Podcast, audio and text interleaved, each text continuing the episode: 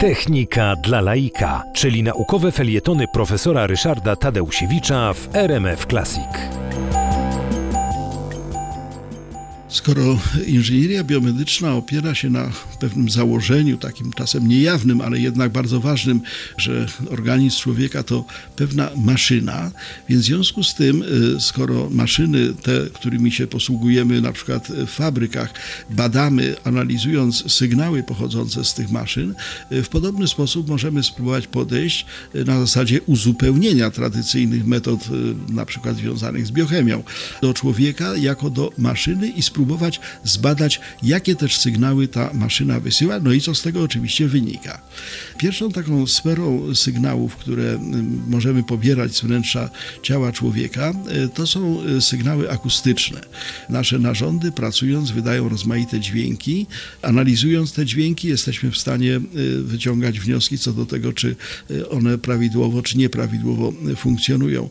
Stąd na przykład fonokardiografia pozwalająca dokładniej obserwować akustyczne efekty pracy serca, przepływu krwi w naczyniach krwionośnych, również akustyczne metody oceny funkcjonowania płuc, przepływu powietrza przez drzewo oskrzelowe, również efekty akustyczne związane z perystaltyką jelit i wiele innych, chociażby skrzypienie w stawach, czy, czy ewentualnie sygnały dźwiękowe związane z aktywnością innych narządów. Sygnały Sygnały z wnętrza ciała człowieka mają też bardzo często formę elektryczną. E, ubocznym efektem funkcjonowania serca, mózgu, mięśni, e, macicy u kobiet, czy ewentualnie e, prostaty u mężczyzn są odpowiednie sygnały elektryczne, które można odebrać, zarejestrować i zanalizować.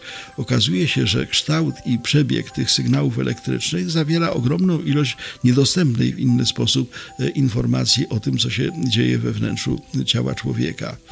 Jeszcze jednym sygnałem, który odbieramy i obecnie bardzo skutecznie wykorzystujemy w inżynierii biomedycznej, są sygnały termiczne, cieplne. Ciało człowieka jest taką pompą ciepła, która wytwarza określoną temperaturę. Mamy obecnie znakomite kamery termowizyjne, które pozwalają zbadać rozkład temperatury ciała i to z dokładnością do ułamków stopni na powierzchni całego ciała. Możemy wykryć takie gniazda gorąca albo takie guzy zimne i stwierdzi, że tam są procesy chorobowe. To tylko niektóre, ale bardzo typowe przykłady zastosowania sygnałów, które wysyła nasze ciało, których nie odbierają bezpośrednio nasze zmysły, ale które odpowiednio zarejestrowane w aparaturze medycznej mogą być niesłychanie przydatne.